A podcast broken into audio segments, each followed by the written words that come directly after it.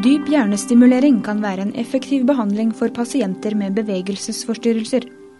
Velkommen til tidsskriftets podkast for nummer 17 2008. Minst 50 000 nordmenn lider av bevegelsesforstyrrelser, og antallet øker i takt med den stigende gjennomsnittsalderen i samfunnet.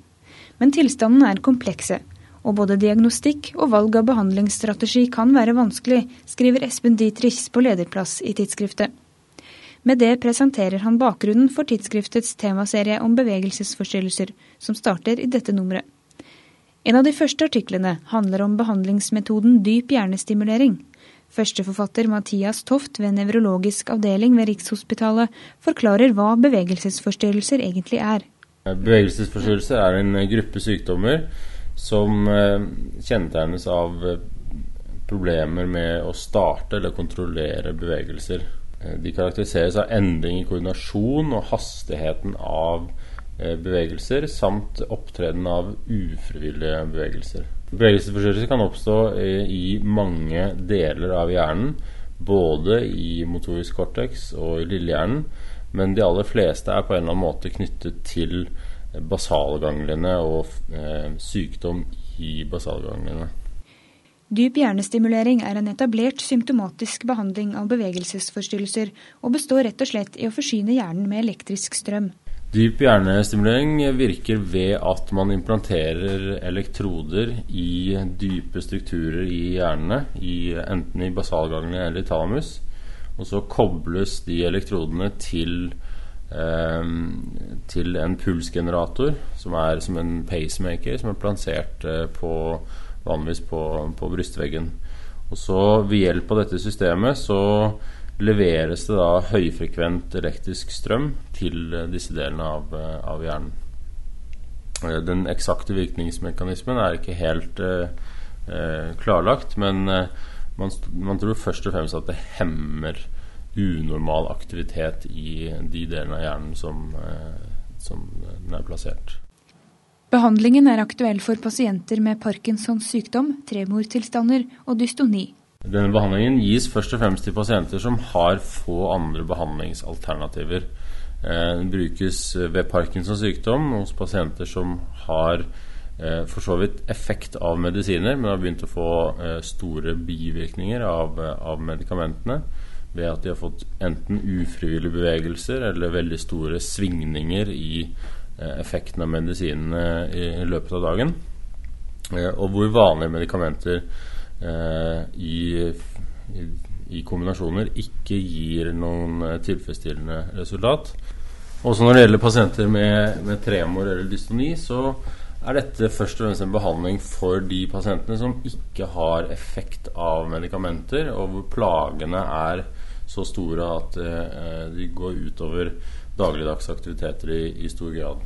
Blant disse pasientgruppene fikk til sammen 243 pasienter behandling ved Rikshospitalet i perioden 1999 til 2007. De færreste operative inngrep er helt uten risiko, så også dette. Dyp hjernestimulering er generelt en trygg behandling, men eh, det kan i sjeldne tilfeller eh, forekomme alvorlige komplikasjoner.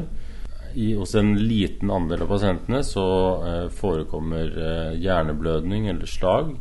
også infeksjoner Eh, etter eh, operasjonen. I tillegg så finnes det eh, bivirkninger av stimuleringen med strømmen i seg selv. Men disse er da forbigående og kan reguleres utenfra.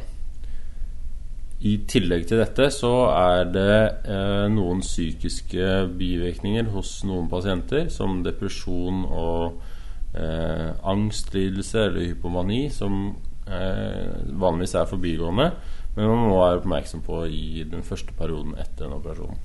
Hvem bør ikke få slik behandling? Man kan ikke få en slik behandling hvis man har en uh, alvorlig sykdom som gjør at man har veldig kort forventet levetid, hvis man har, uh, bruker medikamenter som gjør kirurgi risikabelt. I tillegg så er erfaringen at man ikke har noen bedring av livskvalitet hvis man har demens um, eller uh, eh kognitiv svikt, uh, hvor man kan forvente demens om eh, kort tid. Så det er veldig viktig å gå nøye gjennom pasientens både forventninger og plager og symptomer før man tar en endelig avgjørelse om, om det er riktig å gjøre dyp hjernestimulering eller ikke. Eh, og ved Parkinsons sykdom så er det slik at eh, alder er en relativ eh, kontraindikasjon. Og, og eh, ved dyp hjernestimulering i nucleus subtalamicus så gjøres det veldig sjelden inngrep hos pasienter over 70 år. Fordi vi vet at da er effekten mye dårligere. Toft og kollegene har også stor tro på fremtidens muligheter, for pågående studier gir håp for flere pasientgrupper. Det foregår undersøkelser i uh, flere steder i utlandet ved uh, ulike andre nevropsykiatriske sykdommer. Uh, det foregår studier ved alvorlig depresjon, hvor pasientene ikke har effekt av annen behandling. Ved Tourettes syndrom eh, bl.a. Og, og ved Eh, panikklidelse. Og sannsynligvis så vil det i fremtiden også bli eh, eh, en, et behandlingsalternativ for enkelte utvalgte pasienter med disse sykdommene. I tidsskriftet kan du lese hele artikkelen om dyp hjernestimulering. Du kan også lese artikler om basalganglienes funksjon og om arvelige ataksier. Takk for at du hørte på tidsskriftets podkast.